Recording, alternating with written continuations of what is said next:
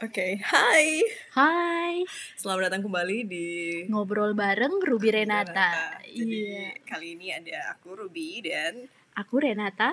dan di ngobrol bareng Ruby Renata di episode kedua kali ini Kita mau ngobrolin tentang apa nih? tentang apa dulu nih? Oke. Eh, yang jelas sih pasti tentang lifestyle ya. Iya betul sekali. Hmm. Nah Renata, eh, kalau kemarin di podcast pertama kan kita lebih ke apa namanya kita ngobrol tentang perkenalan, introduction ya. Nah di episode kedua kali ini ngebahas tentang lifestyle kayak yang Renata bilang tadi.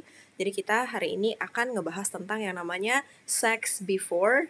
Marriage. Iya, Boleh gak sih? Nah, iya betul sekali. karena ini sebenarnya eh, pembahasan yang sedikit tabu ya untuk eh, masyarakat di Indonesia kayak gitu. Mm, mm, mm. Nah, tapi menurut kita penting juga untuk kita bahas ini Bener, bener banget. Jadi ketika kita ngebahas tentang ini, ada yang bilang tabu, ada yang bilang sensitif, apa pun itu di Indonesia emang harus memilih kayak partner yang tepat untuk membicarakan topik sesensitif ini, iya nggak sih? Yes, benar Iya. sekali. Apalagi kalau misalnya kayak ngomongin tentang seks ya, oh nggak bisa sembarangan. Kita aja deh ngomong sama orang tua kita tentang seks pernah nggak? Kamu Renata pernah nggak ngomong Waduh, tentang seks sama orang tua? deh kayaknya. Kayaknya kayak itu adalah topik yang paling nggak enak ya. Tapi begini ya, eh, teman-teman kalau yang dengar podcast kali ini, eh, Iya. please eh, apa ya Betul. Terbuka, maksudnya jangan Iya. juga ngejudge Yes, atau yes. kita kayak uh, uh, bener-bener kita terus harus pakai filter juga karena balik lagi aku dan Renata bukanlah expert di bidang seks dan expert di bidang marriage kita bukan advisor di bidang seksologi dan marriage life gitu Iya, tapi kita lebih ke orang yang apa ya cuman pengen sharing Pengen aja sharing. sih, kita maksudnya. pengen sharing Iya. sebagai orang yang mungkin karena kita kayak kita sering ngobrol banyak hal dan kita punya pandangan tersendiri tentang sex before marriage ini bukan ke tentang penting nggak pentingnya tapi tentang bagaimana pengalaman-pengalaman kita ataupun orang-orang di sekitar kita yang akhirnya kita angkat nih jadiin sebuah topik hari ini ya nggak sih? Yes, iya benar Iya. Nah tapi yang pasti em, kita harap teman-teman yang dengar meskipun mungkin umurnya ada yang di bawah 17 tahun atau mungkin ada yang Atau memang belum menikah. atau Kalau di sini kan yes, betul, eh, betul. biasanya seks itu dilakukan setelah menikah. Iya, betul, betul, itu. betul. Kita harap eh, teman-teman sekali lagi tolong di filter ambil yang baiknya aja. Oke? Oke. Oke, jadi langsung nih kita ke topiknya.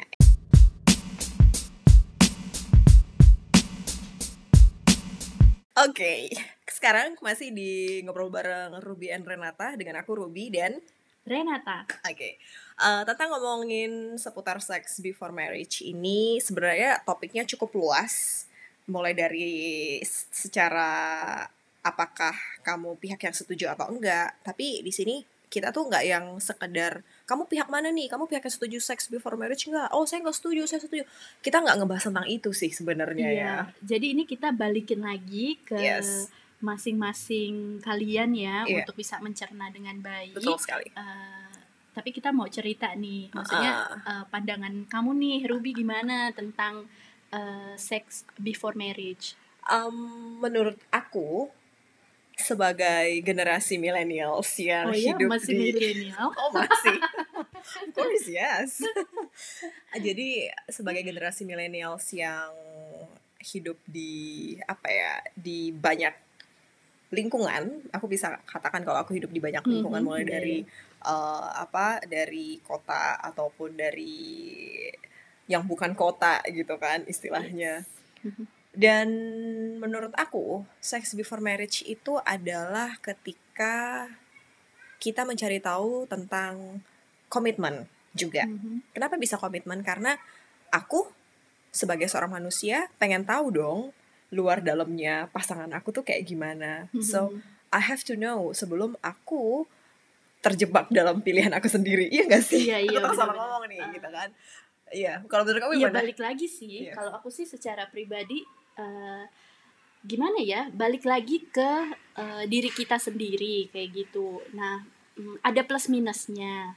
Nah, kita yang paling tahu ya plusnya di mana, terus minusnya di mana. Tapi yang paling penting menurut aku sih kita harus cari tahu dulu ya eh, kenapa kita melakukan itu seperti itu. Mm-mm. Jangan sampai juga ketika kita melakukan itu hanya sebatas eh, nafsu kita. Oh iya iya itu penting Itu, banget. eh, menurut aku ya memang sih jiwa anak muda kan eh, nafsunya eh, bergejolak ya seperti itu. Tapi Iya. eh, balik lagi, apakah kalian siap? Apakah udah siap bertanggung jawab dengan eh, Konsekuensi. akibatnya? Iya, Iya, konsekuensi yang ada. Iya, apalagi kalau misalnya kita masih muda banget nih eh, Mm-mm. di bawah umur masih sekolah. Nah, kalian Waduh. siap nggak dengan Iya. eh, konsekuensinya Betul, itu dia? betul Itu sekali. Dan juga kayak misalnya kayak sex before marriage ini kan eh, ada juga orang yang kayak misalnya pacarannya kayak udah udah lama banget misalnya gitu kan kayak udah lama banget tuh gimana sih? Kayak menurut aku orang yang pacaran kayak tiga tahun tuh udah lama banget ya. Tiga tahun ke atas itu udah lama banget. Dan menurut aku dengan rentang waktu seperti itu tuh udah cukup udah cukup nggak sih kita mengenal pasangan kita?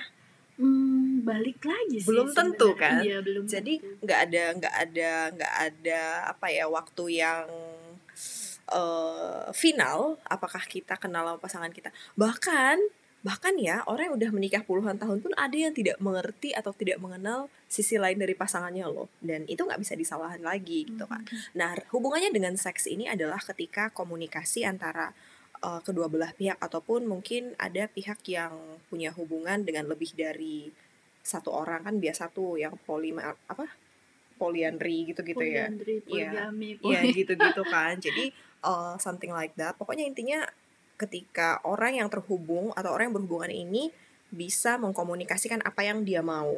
Mhm. Karena nggak bisa dipungkirin seks juga adalah sebuah kebutuhan sama kayak kita makan. Mhm. Betul nggak sih? Iya, iya. Gitu. Tapi balik lagi ya, eh, baiknya sih eh, perlu ada komunikasi.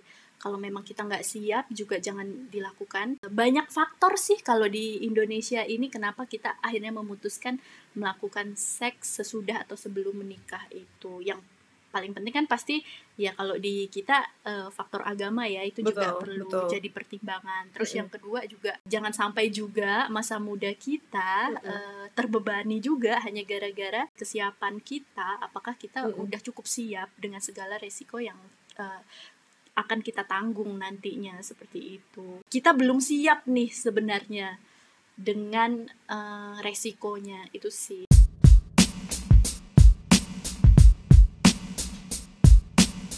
Renata, kadang aku tuh penasaran juga sih. Ada beberapa orang yang tidak terlalu terbuka tentang uh, kehidupan seks mereka terhadap pasangan mereka. Mungkin kalau misalnya sama pasangan kita mestinya sih terbuka ya. Kita semestinya terbuka gitu loh. Tapi kalau sama teman, menurut kamu gimana? Takutnya kalau misalnya kita cerita orang ngejudge kita yang ih eh, ini anak nakal ya Iya, iya, seperti itu. benar-benar. Jadi mungkin orang juga takut atau misalnya eh, ada eh, stereotip eh, perawan dan tidak perawan dan itu yang jadi masalah juga kan di sini. Iya, iya. Kayaknya kalau nggak perawan itu Hina banget hina ya. banget Sedangkan gitu. kalau kalau nggak bujangan tuh biasa aja gitu ya. What the society? Nggak adil I ya. hate that. Iya. Jadi kita balikin lagi deh. jadi Jadi, cewek, takut. jadi cewek itu memang kompleks. Hmm. Bayangin ketika kamu melakukan hubungan dan untuk pertama kalinya, tapi kamu belum merit dan kamu udah langsung pakai judul nih di jidat kamu, kamu udah nggak perawan gitu Yes, sedangkan iya, bener-bener. cowok sedangkan society itu udah terlanjur ngecap laki-laki itu harus banyak pengalaman jadi Hmm. semakin laki-laki tidak bujangan malah semakin bagus Iya. kayak why? Tapi iya no ya juga tapi satu hal yang mau aku pertegas di sini bukan berarti aku jadi iri sama pihak laki-laki yang oh enak banget nih jadi cowok nih bisa ngelakuin. Nggak nggak kayak gitu sih. Cuman yang aku lebih tekankan di sini kayak society itu atau omongan orang itu kita tuh terlalu stres sama society sampai kita tuh jadi tertekan sama hidup kita sendiri. Padahal tuh sebenarnya sebenarnya ya apalagi zaman sekarang. Bohong bohong banget kalau lu pacaran lu kagak ngapa-ngapain. Sorry to say. Hmm, iya what do you mungkin. think? What do you Ya, think? mungkin sih ya. Tapi eh, nggak tahu nih belum ada hitung hitungannya nih. Iya Kayak iya. Gitu. kita Tapi juga nggak ada data statistik sih tapi sebenarnya paling enggak gini sih makin ya. panas ya.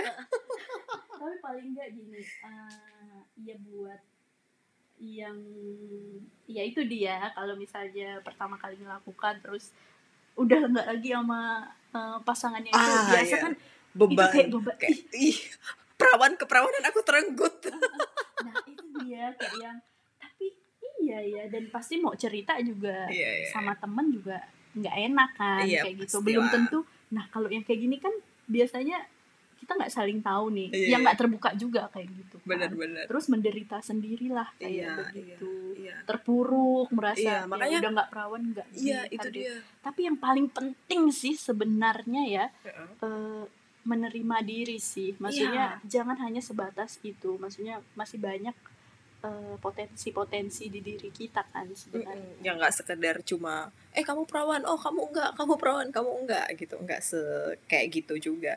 Nah ini tentang sex before marriage ini yang mesti kita apa ya garis bawahi juga ketika misalnya udah mau married nih. Kita nih sebagai cewek misalnya mau married.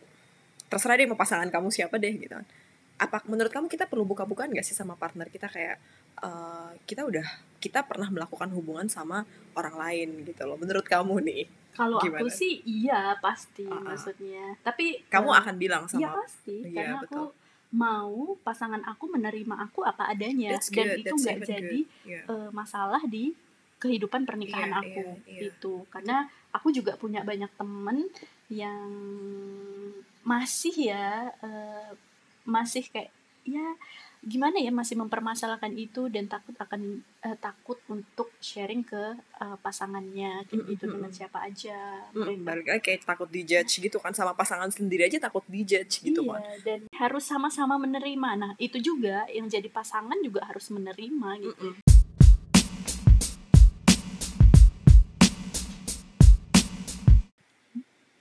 Tapi memang sebenarnya interesting sih ya ketika ngomongin hubungan seks before marriage apalagi ini eh, seks kan kayak buat perempuan itu adalah hal yang sangat emosional. Eh, nggak tahu kalau misalnya kayak buat laki-laki mungkin ada beberapa yang menganggap sebagian sebagai sebuah oh ya udah cuma aktivitas fisik biasa kayak olahraga. Sedangkan untuk perempuan nggak tahu ya perempuan yang lain tapi kalau saya menganggap aktivitas Tolong eh, Ruby ceritakan. sedangkan menurut saya kayak aktivitas seks itu adalah sebuah uh, hal yang sangat emosional. Kayak saya berbagi saya berbagi sesuatu dengan orang yang pantas untuk saya bagi S- saya nggak mungkin ketemu sama si A, uh saya having sex sama dia, ketemu lagi sama, sama si B, saya having sex lagi sama dia, ketemu sama si C, having sex lagi sama dia, sampai itu dari A sampai Z saya tiap kali ketemu having sex Wow. nggak mungkin, itu tidak tidak mungkin gitu loh. Jadi dari Tapi nggak tahu juga ya. Maksudnya untuk kita pribadi sih kayaknya pokoknya dari A sampai Z ini mungkin hanya ke A aja atau hanya ke B aja atau mungkin hanya A sama si C aja gitu loh kan karena ngerasa kayak ada ada kayak vibrasi ada there is a vibration between us gitu kan kayak ada koneksi antara saya dan orang tersebut yang akhirnya nganggap kayak eh kayaknya kita nyambung nih ternyata kayak ada hal yang enak banget buat diobrolin dan apalagi kalau misalnya dari hal kayak gitu kan kelihatan dari look ya dari physical Yes. appearance ternyata oh dia menarik ya eh, isi otak dari obrolan yang akhirnya kayak ngebuat kita tuh kayak sorry to say not I- I'm not sorry about this one tapi ketika kita ngobrol kita ngerasa kayak nyambung banget dan kita ngerasa kayak wow kok kok kok kok, saya turn on ya ngomong sama ini orang? Akhirnya kayak tertarik dan berlanjut ke stage stage stage berikutnya gitu loh. Jadi memang eh, tetap ada koneksi ya. iyalah nggak? mungkin nggak ada koneksi gila lu. Main kayak kayak begitu kayak tah nggak ada koneksi. Tuh kayak saya juga bingung sih kalau misalnya ada orang yang ngelakuin tanpa ada koneksi. Sebelumnya tuh lu gimana sih gitu kan iya Eh tapi balik lagi sih beda-beda ya itu. iya, iya. Iya, jadi emang eh, sex before marriage ini kalau menurut saya penting apa enggak? Menurut saya penting sih sebenarnya. Menurut saya penting karena saya nggak mau ngabisin waktu saya untuk orang yang saya nggak tahu nih kebutuhan dia un- yang berhubungan sama seks ini apa saya nggak tahu. Lalu tiba-tiba saya harus tiba-tiba kayak saya harus merit sama dia, saya harus menghabiskan sisa umur saya sama dia. Jangan Saya juga nggak mau eh, gitu loh Salah pilih. iya jangan sampai salah pilih jadi saya harus tahu kayak kebiasaan makan dia saya harus tahu apa yang dia nggak suka dan saya harus tahu gimana cara menghibur dia ketika dia lagi bad mood dan saya juga harus tahu mungkin posisi yang dia suka apa meskipun saya nggak suka tapi there is a time yang ya udahlah saya pengen memberikan sesuatu yang kamu ngerasa nyaman gitu kan the art of giving ya kayak itu. Jadi kayak giving and receive something. That's what we call sex kan? Karena seks itu nggak sekedar kayak lu orgasme atau enggak. No for me it's like you giving and you receive something right? Mhm. ya Sim elah simbiosis mutualisme. Iya iya bener banget. Kita biologis. Iya iya iya jadi balik lagi kita bukan expert di bidang sex and relationship ya guys ya. Tapi kita lebih ke ngerasa kayak kita tuh engep gitu loh dengerin orang-orang yang ngerasa kayak oh sex before marriage wah lu udah nggak perawan ya. Kayak hello tahun 2021 masih ada ya orang kayak begitu. Serius masih ada ya orang anggap kayak gitu?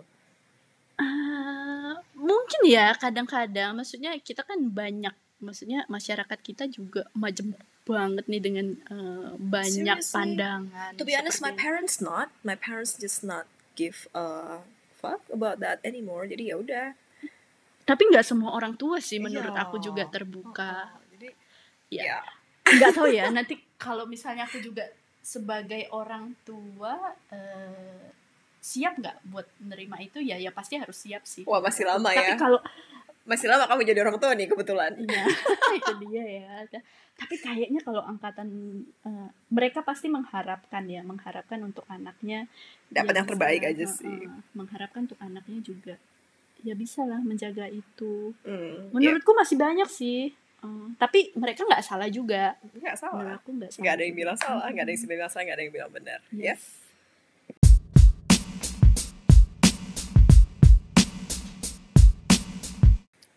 Oke Ruby, Ya. Ih, ternyata seru banget ya. Maksudnya mm, banyak banget nih sebenarnya yang mau kita ceritain. Banyak banget. Iya, dan nggak terasa juga ya waktunya tinggal sedikit lagi dan Iya. maksudnya ya kita ingin menarik kesimpulan Betul. dari dari eh, episode kedua di sex before marriage topik kali ini iya bahwa apa nih kesimpulannya? kalau dari saya sih sebenarnya saya setuju adanya Hmm. ini tapi tetap harus pakai proteksi dan kita ngelakuin harus dengan orang yang kita yakini kita harus ngerasa ada koneksi kita harus ngerasa kayak ada ikatan yang ngebuat kita nyaman sama dia gitu loh Iya. menurut saya sih itu penting Kalau dari aku sih sebenarnya eh Iya bisa setuju dan bisa tidak ya karena bisa Iya. dilihat dari berbagai hal juga. introvert nih ngomongnya kayak Iya, begini nih Iya iya. kalau gitu. extrovert ngomongnya kayak saya Jadi masih 50-50. Kalau aku sih balik lagi ke pribadi masing-masing. Yang paling penting adalah kesiapan kita mental ya mental kayak Karena- begitu. karena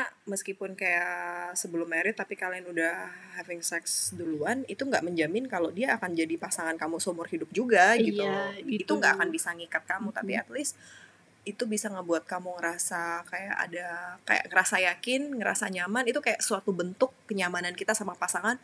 Ya udahlah kita tuh kayak giving up gitu loh. Kita tuh kayak memperlihatkan diri kita yang mem- memperlihatkan sisi lemah kita yang tidak kita perlihatkan sama orang lain kan in the end gitu. Iya, dengan ya harus diperhitungkan lah ya.